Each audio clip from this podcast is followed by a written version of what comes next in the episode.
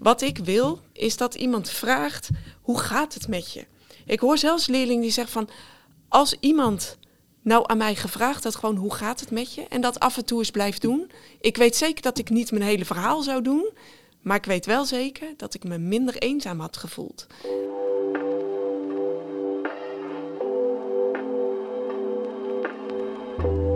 Welkom en fijn dat je luistert naar de Onderwijspodcast. In deze podcastserie van EduC gaat het over groepsvorming. En dan vooral over alle uitdagingen die bij het proces van groepsvorming komen kijken. Want groepsvorming is geen rechtlijnig proces. Het verloopt niet zoals het in het boekje beschreven staat. Alle mogelijke hobbels en hindernissen gaan we langs in deze podcastserie. Dat doe ik elke aflevering aan de hand van één case en met één of meerdere gasten. Mijn naam is Etienne Verhoef en dit is de Onderwijspodcast.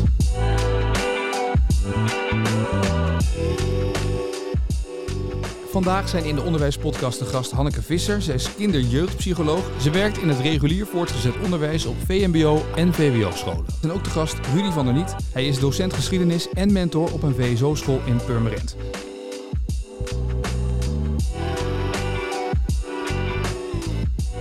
Maar laten we beginnen met de case van de week. In de mentorklas van Niels zit Lisette. Ze is een stuk stiller dan vorig jaar.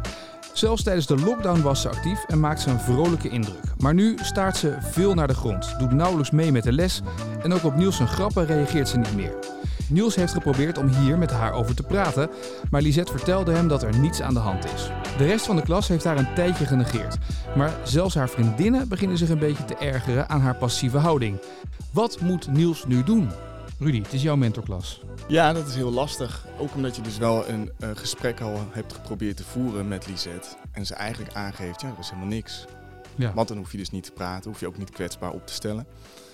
Um, ik denk dat je hier dus wel als docent heb je al gesignaleerd. Want je signaleert, dit herken je in de klas toch? Ja, ja. ja. ja dat zien wij hier toch wel regelmatig. Hoe snel heb jij het door trouwens? Nou ja, het ligt in dit geval aan. Kijk, Lisette was eerst anders in gedrag. Ja. Dus je signaleert het heel snel omdat zij laat ander gedrag zien. Zij is opeens stil. Zij um, nou ja, maakt geen contact met klasgenoten. Lacht niet meer om grapjes. Dat deed ze dus blijkbaar uh, eerder wel. Dus dan is het heel snel op te merken. Maar als jij een leerling net binnenkrijgt voor het eerst en die begint al zo, ja, dan, dan is dat denk ik wat lastig om te signaleren. Ja. Ik denk wel, signaleren doe je dus niet alleen. Mm -hmm. um, ik denk dat je dat met, als je dit dus ziet en je hebt een vermoeden van, goh, deze leerling is somber, dan ga je wel in gesprek met collega's, andere docenten van hey, dit en dit is wat ik opmerk. Uh, zie jij dat ook zo? Je kan informatie winnen bij de zorgco of de schoolpsycholoog. En inchecken bij ouders. hey, dit en dit is wat ik zie. En um, herkennen jullie dat thuis ook? En dat is eigenlijk de eerste stap. En, ja. en, en, dan gaat het natuurlijk verder, hè? want je, je zit te knikken inderdaad. Herken je ja, ik herken het. Uh, wat gelijk opvalt hier is de, het verschil in gedrag. En ik vind het mooi als een mentor het gesprek aangaat en het verschil aangeeft dat hij verschil ziet. Ik denk dat dat al stap 1 is. En dan hoop ik maar dat er niet al te veel geduid of ingevuld wordt. Van ik denk dat het zus of zo zit. Ik zit ook wel van uh, die leerling die zegt van nou er is niks aan de hand. Dus die wil niet praten. En dan denk ik ook wel eens van nou dat kan ook zo zijn en dat mag ook zo zijn. Het kan best zijn dat zij op dat moment daar niks over wil zeggen. En het kan ook zijn dat zij op dat moment niets tegen jou daarover wil zeggen. Dus dat jij niet de persoon bent. Ja. En dat moet je soms ook accepteren. Ja, dat is Als mentor, dat is best wel moeilijk. Want iemand praat, ik vraag hoe het gaat. En iemand praat niet, die wil tegen mij niet zeggen. En ik ben er voor jou welzijn, ik ben bezig voor jou, ik heb een vraag om jou te helpen, maar diegene reageert daarin niet. Ja, en misschien ben jij wel niet de persoon die uh, dat nu het beste kan doen. En dan is samenwerken ook weer heel goed. En ook kijken, uh, met elkaar als team van hey, die verandering in gedrag zien de collega's dat ook? Of is het alleen in mijn vak? Ja. En dan kun je samen opgaan. En dan natuurlijk ook ouders. Uh, nou, dus ondersteuning in de school ja. eromheen. Ja, en ik denk wel dat um, je moet natuurlijk nogmaals het gesprek aangaan, want je weet niet wat er speelt. Er kunnen natuurlijk heel veel redenen zijn. Dat kan inderdaad corona zijn, maar misschien is in die periode iemand overleden. Misschien um, is hij op sociaal vlak, misschien wordt ze gepest opeens. Misschien, um, nou ja, goed, uh, is het seizoensgebonden dat iemand opeens anders ja. gedraagt. Dus je moet daar, het blijft niet bij dit gesprek. Het is niet van, nee, het gaat goed en that's it. Dus je moet daar sowieso nog iets mee gaan doen. Maar dat denk ik dus eerst die informatie winnen bij collega's, ouders. En dan het gesprek ingaan alsof je neus bloedt. Uh, doen alsof je niet weet ehm, wat, wat je al aan informatie hebt vergaard. En dan toch weer het gesprek ingaan. En dan weer benoemen. Ik merk dit en dit. En vorig jaar kwam jij op deze manier op mij over. Herken jij dat? Maar dan heb je wel, eigenlijk hebben in deze case een makkie natuurlijk. Want als je iemand hebt die eerst heel levendig was en nu heel stil is. Ja. Dat is natuurlijk dat is, uh, dat is eigenlijk een hele makkelijke case. Eigenlijk wel. Ja, ja de, het, ingangs, uh, de ingang is makkelijker. maar het proces daarna niet. Hoor. Uh, en het proces daarna niet, want zij heeft een reden waarom zij iets niet zegt. En er is misschien iets aan de hand waardoor die omslag er is. En ik denk dat het weer een ander verhaal zou zijn als je een sowieso stille, misschien wat introverte leerling hebt, bij wie je ook signalen zou zien die jou aan het denken zetten. Ja. Maar dat, dat is wel weer een ander geval. maar kan je signalen herkennen? Wat, wat, zijn signalen waar je op let? Of je hebt het nu over stille leerling, maar het kan ook iemand zijn die heel druk is, waar ook wat speelt, waar je minder makkelijk aan ziet. Wat zijn, wat zijn signalen waar je op let in, in de klas of waar jij op let vanuit... Uh... In het algemeen of als je denkt dat iemand niet lekker in als zijn iemand, zit? Ja, als iemand niet lekker in zijn vel zit. Of, ik denk zelf, uh, wat wij vaak doen met, samen met docenten natuurlijk, is kijken naar uh, nog meer non-verbaal dan verbaal. Mm -hmm. Naar de ogen. Hoe sta, eigenlijk, hoe staan de ogen? Absoluut. Ja. We vergeten vaak nog gewoon recht in die ogen te kijken. En te kijken van hoe is iemand stil, maar heeft iemand wel plezier? Of straalt daar energie uit? Of zijn de ogen dof? Ja. Is er een verandering? Zijn er wallen onder de ogen? Ik vind ogen heel goed om naar te kijken. En lichaamshouding. Ja, absoluut. De stand van de ogen, dat is ook hoe ik eigenlijk de leerlingen hier lees. Ja. Um, en natuurlijk, um, ja, lichaamstaal is, is, zegt ook een heleboel. Maar vergeet ook niet het verbale. Er zijn ook leerlingen die zijn misschien niet inderdaad, zoals al werd gezegd, heel rustig en stil naar binnen. Nee. Die blijven redelijk zichzelf, maar er komen dan soms wel verbale uitingen. Dat je denkt, oké, dat je één keer een pechdag hebt. Dat kan. Hebben we allemaal wel eens dat we er even niet willen zijn. Maar als iemand dat meerdere keren bij frustratie ook uit, of gewoon te passend oppas, of je vangt het op, ja, dan moet het toch wel, moet je ook wel iets gaan, gaan bedenken van, goh, hoe ga ik hier dan vervolgens verder, uh, hoe ga, wat ga ik hiermee doen? Ja. Want uh, die uitingen zijn een afwijking van het normaal. Maar goed, dan ga je wel weer richting het hele, ja, dan ga je toch wel richting het depressieve. Ja. Maar ja, um, wat net al werd gezegd bij het introverte. Uh, soms zijn leerlingen ook gewoon heel stil en op zichzelf. En dan kun je het gesprek ook wel aangaan, maar dan hoef je er niet per se iets mee te gaan doen. Want rustig en stil en naar binnen gekeerd zijn is ook oké. Dat mag ook inderdaad. Ja, dat, dat is een, het, is een, het lijkt me een soort balans tussen... oh, is hier nou wat aan de hand? Of is het gewoon zoals het soms ook is? Ja, en die balans zoeken vraagt denk ik heel veel kijken. Ik vind dat heel knap als docenten dat kunnen. Ik loop veel in regulier onderwijs, dat zijn grote klassen. Ten eerste denk ik, ja, je krijgt niet alles mee. Dus vergeet het maar. Wat dat betreft. Misschien um, steeds ehm, minder mee. Ja, misschien is er wel heel veel onrust. Je zegt zelf altijd, het is balans zoeken tussen herrie van binnen en herrie van buiten. Je hebt leerlingen die zijn gewoon stil, introvert en dat is oké. En ik denk wel eens, als ik in met zorgcoördinatoren praat of uh, docenten, is dat we soms ten onrechte daar een soort zorg over hebben. En dat we zeggen van, oh, die leerling is zo stil, is er wat? Terwijl er eigenlijk niks is. Soms is het wat het is. En mogen we ook nog stil en introvert en rustig zijn in een klas? Of is de norm in scholen, in de maatschappij, er eentje van extraversie en de grootste krijgt het woord.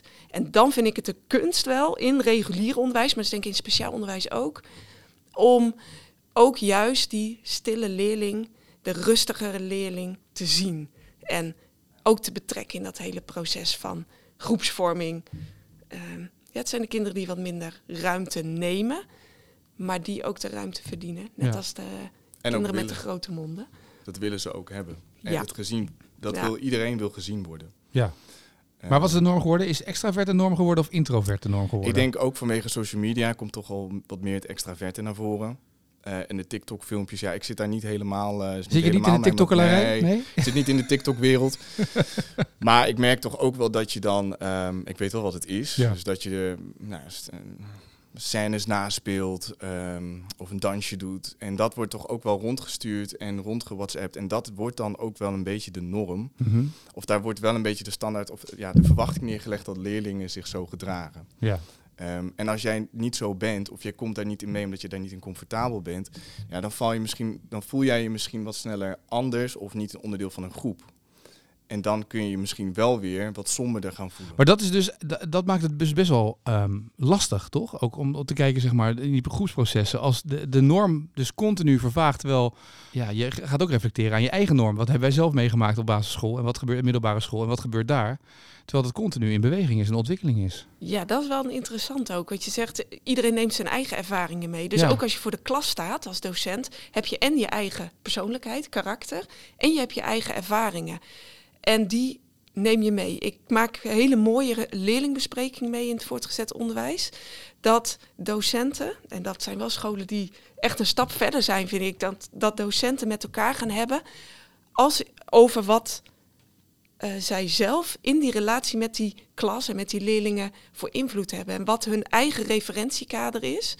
van wat, als ik die stille leerling zie, zie ik ze überhaupt wel? Weet ik hun naam? Um, wat doet het mij? Vind ik dat irritant of vind ik dat juist prettig? Of voel ik me heel onrustig worden als die stille leerlingen elke keer overschreeuwd worden? Ja. Het zit hem ook in die dynamiek met de docent. En wat mij ook wel vaak opvalt, zijn van die dodelijke opmerkingen op ouderavonden. Oh. Bijvoorbeeld. Um, Daar komen ze. Dan zit er een moeder met een wat introverte nou, leerling. Van nou, hier kan ik er wel 30 van in de klas hebben. Nou, dat kan dat is als compliment bedoeld. Maar als een docent vervolgens die naam niet weet van die leerling, eh, ga je al een beetje mm, mis natuurlijk. En als die leerling dan denkt, die gesprek heb ik wel eens, van ja, dat zeggen die docenten wel. Ik heb mijn leven lang gehoord dat docenten zeggen, hier kan je er wel 30 van in de klas hebben. Maar je moest eens weten wat er allemaal in mijn binnenwereld speelt. Want elke avond zie ik mijn ouders slaande ruzie hebben. Of ik ben aan het mantelzorgen. Of ik ben aan het ik, hè, of ik voel me somber, dan denk ik wel van ja, dat soort opmerkingen, als we daar even mee eh, stoppen. En de koppeling van stil en depressief, of stil en niet lekker in je vel. Dat is denk ik goed om die door te knippen, want dat is niet automatisch waar. Niet elke stille leerling is depressief en niet elke drukke leerling is volkomen happy en één met zichzelf. Precies. Die herrie aan de buitenkant en de herrie aan de binnenkant, die kan heel verschillend uh, zich tot elkaar verhouden. mensen die uh, piekeren over de wereld of over wat er eh, op school gebeurt. En dat laten zien in heel stil gedrag. En je hebt leerlingen die gaan terugschreeuwen en vechten als ze zich zorgen maken over dingen. Herken je in de groepsdynamiek, kan je daar dingen in herkennen? Dus als je bijvoorbeeld als iemand dus heel stil is, teruggetrokken, veel druk is, maar eigenlijk niet lekker in zijn vel zit. Herken je dat in de groepsdynamiek terug? Kan je daaruit aan dingen opleiden? Dus Binnen de groep, binnen de klas? Dus wanneer een leerling... Ja, een leerling zit niet goed in zijn vel. Ja. Maar dat zie je eigenlijk niet zo 1, 2, 3.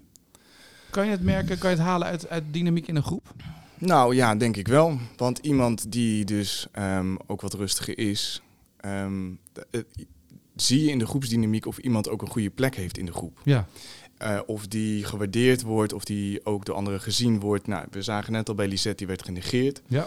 Voor een tijdje, omdat ze zich eventjes terugtrok.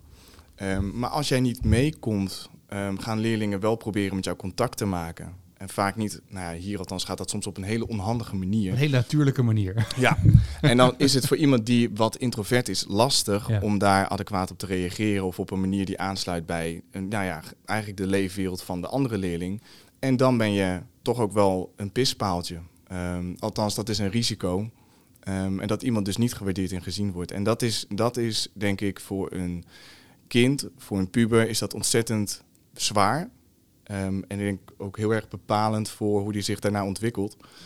Uh, want als jij het idee krijgt door jouw buitenwereld dat jij niet goed genoeg bent om, om daarmee om te gaan, ja, dan denk ik wel dat je, um, als je dat ook jaren zo draagt, dat tekent je wel. Ja. Dat, uh... Maar je zegt daarmee dus eigenlijk, uh, je kan in de groep als je goed naar de groep kijkt, als je het zelf niet zeker weet, de groep probeert altijd de groep mee te, iedereen in de groep mee te krijgen. In, in eerste instantie. In eerste instantie wel. Ik denk dat het toch, het is uh, nieuwsgierig naar elkaar zijn, um, ontdekken, dus die stormingsfase in de klas.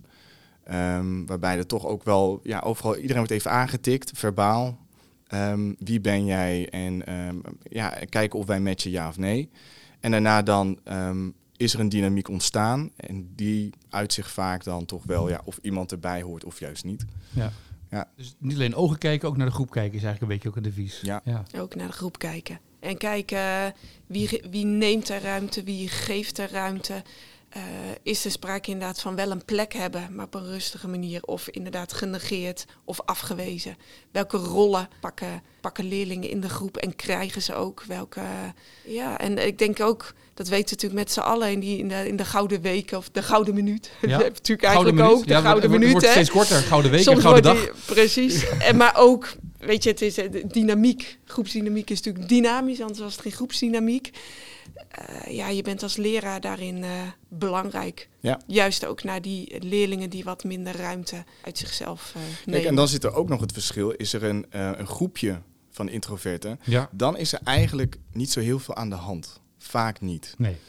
ze hebben elkaar. Dat is namelijk als jij een, een ja, een soort van een, um, een soulmate hebt, zeg maar, die net als jij zo op dezelfde manier in elkaar zit dan is dat oké, dan is dat veilig. En dan doet de buitenwereld jou al iets, dat doet het al wat minder dan als jij alleen staat. Ja. Uh, maar zelfs dat groepje wat introvert is of wat afwijkt, um, kan nog steeds wel um, een mikpunt zijn. En daar zul je als mentor, nou ja, in de groepsgesprekken toch echt wel iets mee moeten gaan doen.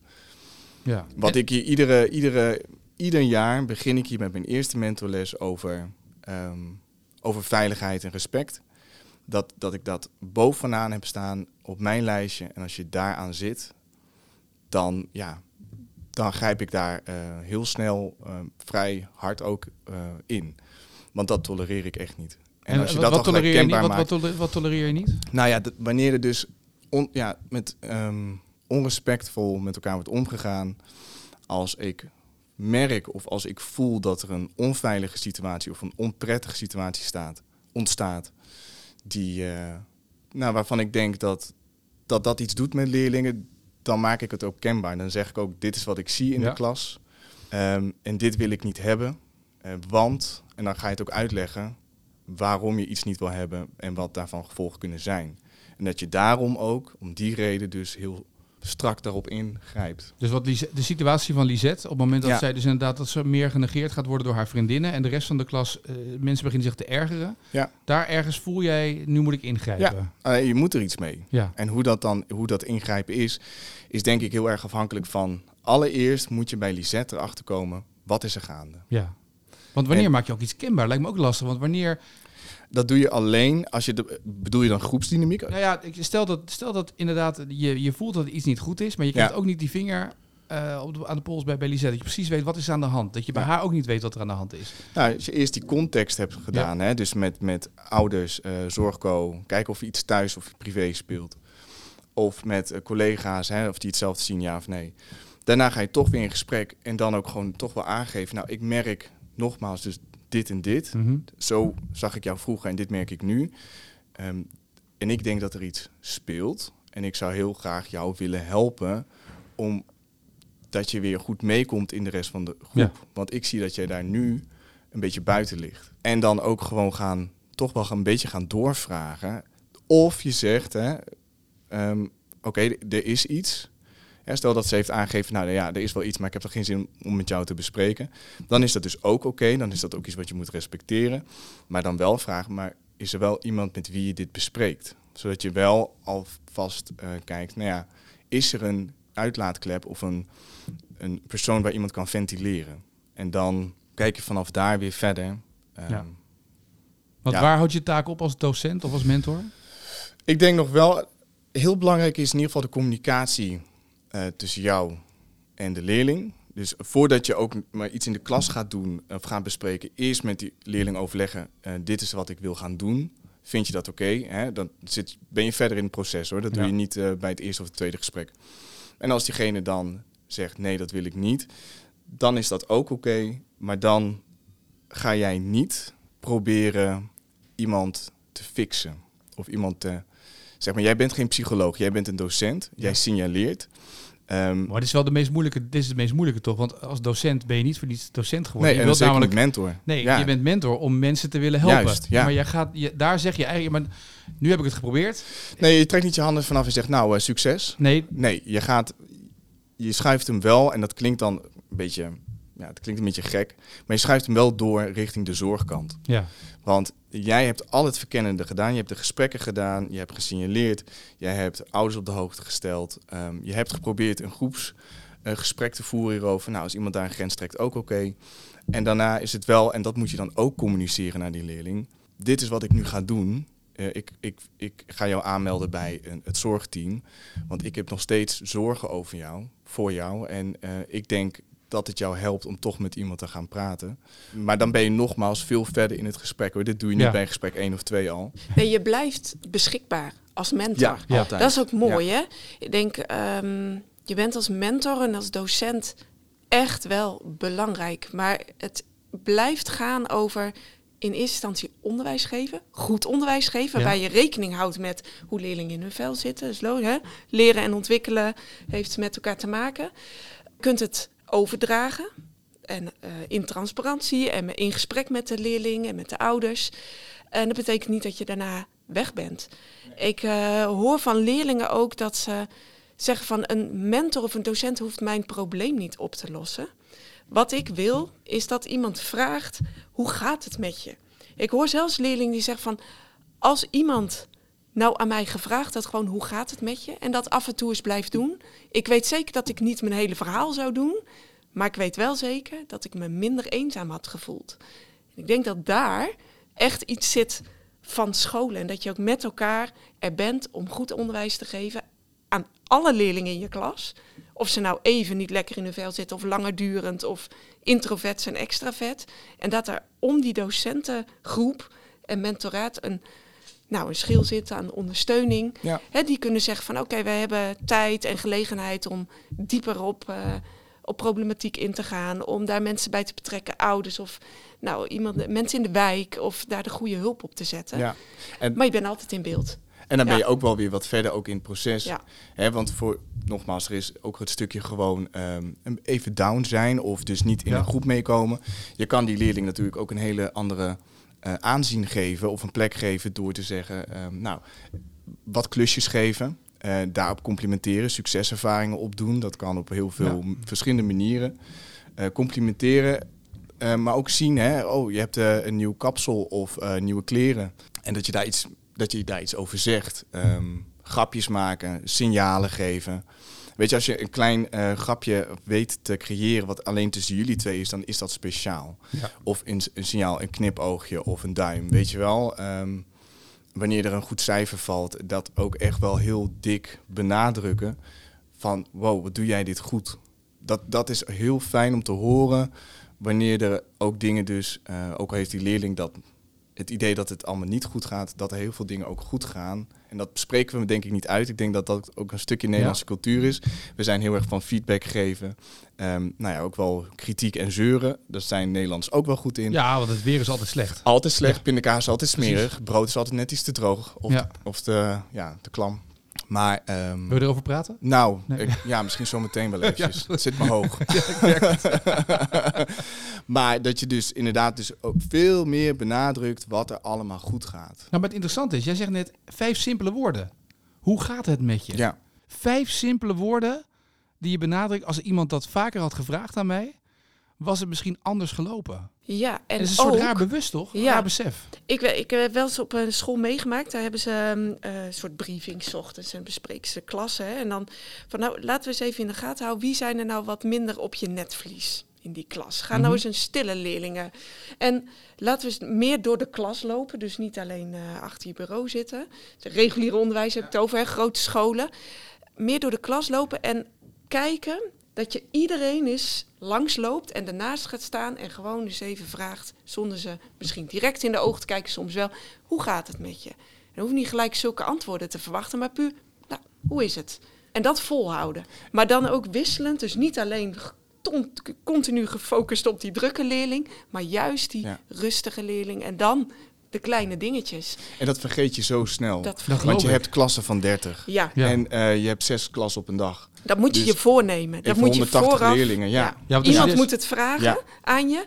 Let vandaag eens op die en die. Dan ga je dat doen en je gaat het vervolgens terug. Ja, en als mentor kun je dat ook vragen aan je collega's. Hey, zou jij deze leerling vandaag Gewoon als een hele simpel taakje zou jij vandaag deze leerling even willen vragen nou, hoe het gaat. Inderdaad, dat zou, dat zou al heel erg helpen, inderdaad. Ja, ja en dan kan ik me voorstellen dat voor als je nu basisonderwijs zit, dat het makkelijker is, omdat je elke dag dezelfde groep over het algemeen voor je neus hebt zitten. Maar inderdaad, als je in het voortgezet onderwijs zit, heb je het ene uur die groep, andere uur die groep. Dus het is ook weer continu wisselend. Je moet continu schakelen, wat voor een docent natuurlijk ook. Ja, en daarom kun je nooit alles van al je leerlingen weten. Dat is veel te veel gevraagd. Je kunt wel letten op kleine dingen en daar later op terugkomen. Dat, ik, ik ken mensen die. Uh, kleine dingen zoals? Uh, bijvoorbeeld een opmerking die iemand even heeft gemaakt. Uh, en daar een les daarna op terugkomen. Maar dat kan je natuurlijk niet van iedereen onthouden. Maar stel dat je even zegt van nou, ik ga eens even op die leerling even extra, even extra in mijn vizier. Je schrijft het desnoods op. Ik ken docenten die schrijven dingetjes op. Ja. Zeg van daar kom ik gewoon even op terug. Je kan het niet onthouden, maar je kan wel even alert zijn.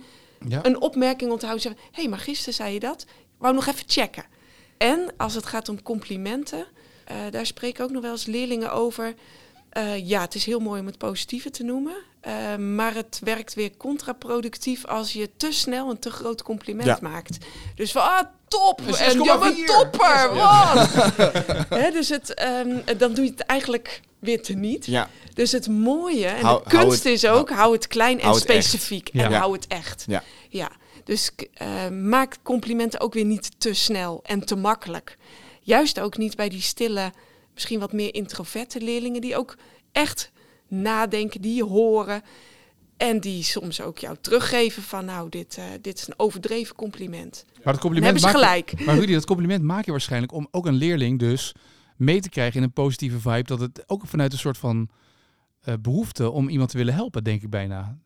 Dat kan een gevoel zijn dat je denkt, ik moet iemand meekrijgen. Ja. En dat je inderdaad zegt van, goh, weet je, oh wat goed, dit is echt heel... Maar dat je dan bijna overdrijft om iemand... Ja, en dan, is, dan ga je ja. dus... Dan, dan, en dan, gaat is dus de oprechtheid nee, en de Het is onze neiging. Ja. Omdat je graag controle... Je wil graag wat horen van die leerling. Je wil grip op. Je, wil feedback dus je gaat heel hard maar dat werken. hoeft niet eens. Het hoeft niet eens... Um, klassikaal. Nee. Je kan namelijk ook, want deze leerlingen zijn introvert, je kan ook gewoon rustig naar iemand toe lopen en gewoon zeggen: hey, goed gedaan man, eh, ik zag jou net dit en dit doen. Dat je het gewoon ook op die manier doet die past bij iemand die introvert is. Dus dat je bij iemand even op de heuken gaat en zegt: hey, hè, dat je ook een andere positie aanneemt, een andere houding, dan komt hij ook al anders binnen. Ja. Het is mooi dat je dat zegt, ja, want soms zit het ook in de houding en de snelheid van praten. Of bijvoorbeeld een vraag stellen, maar dan ook wel even wachten op het antwoord. Ja. Hoor je ook veel van stille, intro meer introverte leerlingen. Hè? Van, ja, ze, iemand anders praat er gelijk doorheen of ze vullen het gelijk in. Ja. Als je nou even 30 seconden wacht, dan heb ik een antwoord. En dan komt er heel vaak een heel prachtig antwoord uh, uit. Ja. En een hoe-vraag stellen heb ik altijd, ook journalistiek gezien altijd een hoe-vraag stellen. Want een wat of een waarom of een wanneer vraag is heel sturend. Ja. Dus wat is er aan de hand? Of hoe gaat het met je? Is open. Dat is een hele andere vraag. Dus door een hoe-vraag te stellen, kan je ook meer verwachten van een antwoord. Maar, je kan niet moeilijk zeggen daarom uh, of, of ja of nee. Want dat... Ja, waarom doe je dit? Is uh, hoe zou je kunnen reageren? Is een hele andere vraag. Het is ja. openstellen. Maar we zijn heel erg geneigd om daar directief in te. Hoe komt het dat ik. Juist. Weet je wel, dat, dat... dat klinkt heel stom. Ja, maar jij trekt hem zo breed, hè? Ja je, je, ja, je vraagt echt een leerling om zichzelf even toe te lichten. Ja. ja. Is gek eigenlijk hoe snel het ook in een oordelende vraag zitten met wat is er aan de hand, waarom doe je dit? Ja. En dat je dan, ja, daarom inderdaad. Ik moet ja. dan gelijk aan die Volkswagen reclame denken van vroeger, met dat jongetje in die Volkswagen bus, die dan de hele tijd springt, die vader zegt daarom, en waarom, waarom, waarom, en die vader zegt op het laatst daarom. Ja, weet je, die, die kan geen antwoord meer geven op al die vragen. Een gesprek in het onderwijs en in de, in de maatschappij gaan heel vaak zo. En daar zitten we heel vaak met ons eigen oordeel al heel erg uh, ons vragen te, te sturen. Ja. Uh, dus in die zin zou soms wat vertragen en nou, verstillen of ruimte voor die rust zou uh, niet gek zijn. Tegelijkertijd is juist die grote onderwijsinstelling, dat is, dat is echt lastig. Ja. En toch zou ik daar wel voor zijn. Om ook in die lessen af en toe even iets meer die rust, de vragen, de, de langzame, trage vragen stellen in de les. één op één of in de groep. Ja, maar ja, dat, dat weet ik dan niet. Ik zit hier dan in het VSO. Ja. Maar je hebt je in het VO heb ik één jaar gewerkt. En ehm, volgens mij is het altijd wel een stukje uitleggen en daarna zelfstandig werken. En ik denk dat die momenten er op zich wel zijn. Ik denk dat je die momenten dan ook inderdaad moet pakken om uh, misschien even in te checken. Is het, is het ook veranderd, het onderwijs? Want we begonnen net over je eigen referentiekader. Uh, is dit een veel groter thema geworden in de loop der jaren? Want als ik dit vergelijk met hoe op mijn middelbare school ging, of hoe het toen ging basisschool, het zal vast al bekeken zijn, het zal vast al besproken zijn door docenten. Maar ik heb nog altijd een heel ander gevoel erbij, zeg maar. Dat het, dat het nu, als ik deze gesprekken voer met iedereen, dat het heel anders, dat het hele onderwijs veranderd is. Nee, er is nog heel veel hetzelfde in het onderwijs. Ja? Dat is soms ook een probleem natuurlijk. En er is ook misschien in die zin veranderd uh, onze snelheid. De snelheid, de, de, veelheid van informatie, de snelheid waarmee we informatie op ons nemen, in ons opnemen. De snelheid waarmee we zijn gaan praten. De veelheid aan activiteiten in een week. Dus daardoor ook de, de onrust die je om je heen hebt en daardoor soms ook in jezelf, dat die is toegenomen. Ik denk dat we daar met z'n allen wel ehm, het vaak over hebben. Ja, nou, het grootste verschil wat ik dan merk als ik kijk naar mijn ja? Uh, schooltijd, toch echt social media. Ik had zo'n uitschuifmobieltje. Nou, dan moest je, je had huis nog, die tijd. Huh? Je had huis ongeveer. Ja, ja. ja dat had ik ook. Uh, Dancing Banana en zo, weet je wel. Uh, nou, was helemaal leuk. Um, Maar toen had je, ik had zo'n uitschuifmobieltje en dan moest je, of ik had zo'n zo'n zo'n snakes heet dat, ja, snake met die blokjes eten. Dat was het, hè? Ja. Maar nu, um, ja, in het VO zullen waarschijnlijk de mobieltjes uh, mogen leerlingen die bijhouden. Hier niet. Ik neem die in aan het begin van de dag. Wisselen scholen heel erg in mobiel beleid. Ja, ja. ja. En ik denk dat dat sowieso ontzettend helpt in het leerproces, want het wordt continu onderbroken. Ja. Als leerlingen thuis leren, dan weer een berichtje, dan weer een snapje. Waar gaat die snap over? Helemaal niks, hè? Nee. Het gaat over een, een foto naar buiten van iemand die in de bus zit. Ja. Maar het, het, stopt weer, het is weer een signaaltje, weer een prikkelverwerking, weer afgeleid. En dat heb je dus ook gedurende de dag. Dan ook het stukje, ehm, hoe zijn anderen, en daar wordt nogmaals, dat heb ik al eerder gezegd, een beeld gecreëerd. Uh, en ik denk dat daar ook heel veel onrust bij het zijn kinderen, bij kinderen um, loskomt. Ja. Um, en dat dat heel erg ook het gedrag beïnvloedt. Ja. Kortom, er is nog best wel uh, een hoop te signaleren en te zien. En waarschijnlijk gaat ook heel veel goed. Uh, maar het is soms ook het gesprek gewoon voeren en gewoon eens kijken wat er gebeurt. Dat is eigenlijk. Uh, is, doe jij dat vaak dat je nu, wat ik vond een van de mooiste tips dat je zei met collega's gewoon eens bespreken. Vraag eens gewoon hoe gaat het met jou aan één leerling. Is dat iets wat jullie bespreken met elkaar? Ja, het is eigenlijk, ja, het is een kleine school hier. Ja? Dus dat doe je ook heel snel. Mhm. En je bent ook uh, echt wel toegespitst op afwijkend gedrag van hoe je een leerling kent. Uh, maar wij hebben iedere dinsdag en vrijdag een nabespreking, waarbij we even kort de, ja, de dingen doornemen die opvallen. Of die anders zijn dan anders, uh, waar we op moeten letten. Um, en kijken of anderen dat ook herkennen. en als dat dan het geval is, en ja, nou, afhankelijk van hoe groot problematiek is of het, het afwijken van gedrag, nou, ga je kijken naar die context weer, hè, van eh, dan ouders en, en zorgco, wat speelt er? Ja. En dan in gesprek. En dit is in, in het onderwijs waar we hier zitten natuurlijk een stuk makkelijker, denk ik. Want in het, in het reguliere onderwijs, voortgezet onderwijs, uh, zijn de klassen dus drie, vier keer zo groot in sommige gevallen. Dus dan wordt het al een, een, een ander proces. Maar hoe ja, de klassen zijn groter. Um, en de kunst is op regulier onderwijs, en daar verschillen scholen heel erg in, uh, is om goede groepsbesprekingen en ja. leerlingbesprekingen te doen. En dan niet alleen over de cijfers.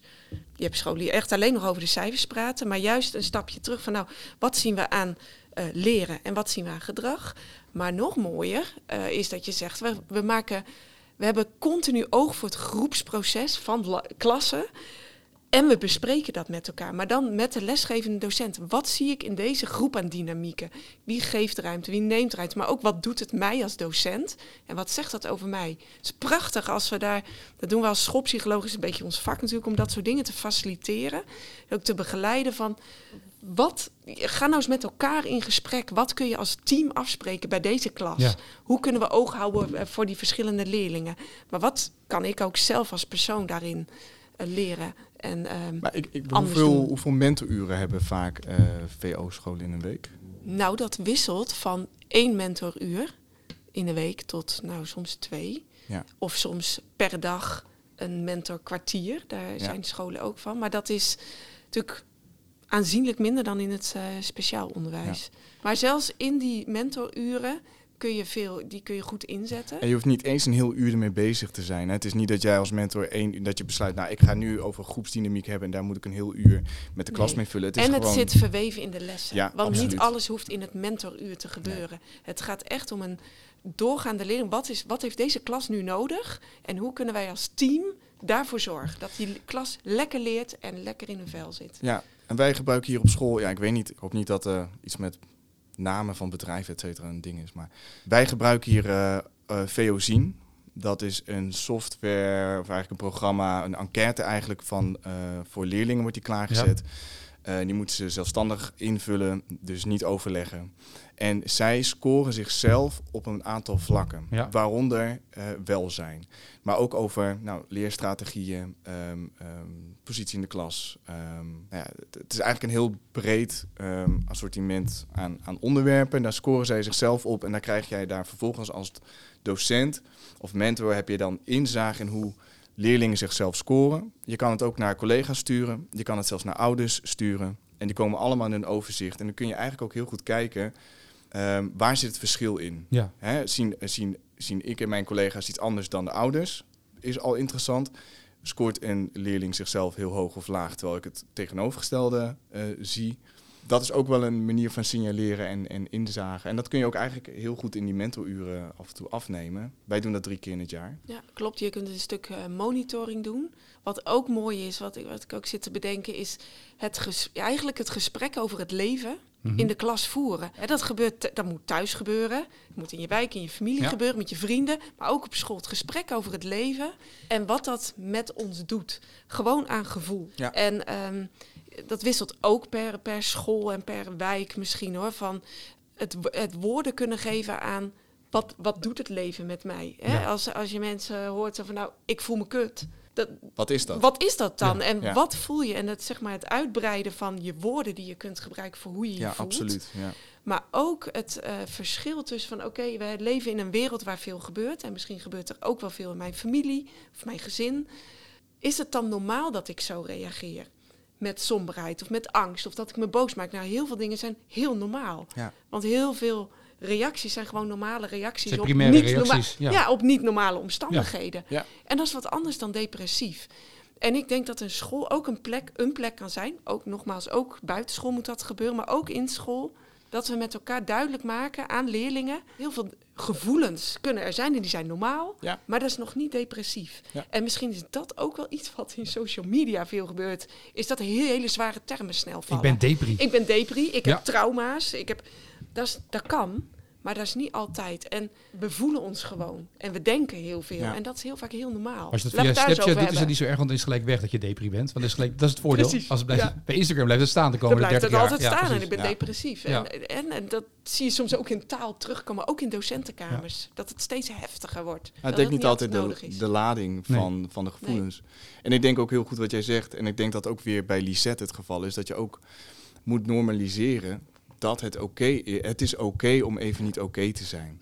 Om somber te zijn. Want je komt net uit de periode met corona. En dat was zwaar. En jij hebt alleen gezeten. Dat je dat ook gewoon benoemt en zegt, nou... En nu zit je misschien nog een beetje in een negatieve flow. Hè? Dat, je, dat je het dus benoemt. Ja, hoort ook bij toch in het leven? Ja. Uiteindelijk. Je zou maar de hele tijd vrolijk zijn. Precies. Weet je. Dat zou wat zijn saai. een beetje diversiteit in ja, het gevoel is prima. Ja. En een beetje diversiteit in types in je klas. Dat maakt de samenleving en de school alleen maar leuker, toch? Ja, absoluut. Ja. Uh, mag ik jullie hartelijk danken voor dit hele fijne mentoruur. Ja, graag gedaan. graag gedaan. Dankjewel. Dit was het voor deze week. Wil je nou meer weten naar aanleiding van deze podcast? Kijk dan via de link in de show notes wat EduC voor jouw school kan doen of voor jou als docent. Abonneer je ook op deze podcast via jouw favoriete podcastplatform. Dan word je automatisch op de hoogte gebracht van elke nieuwe aflevering. Tot de volgende onderwijspodcast.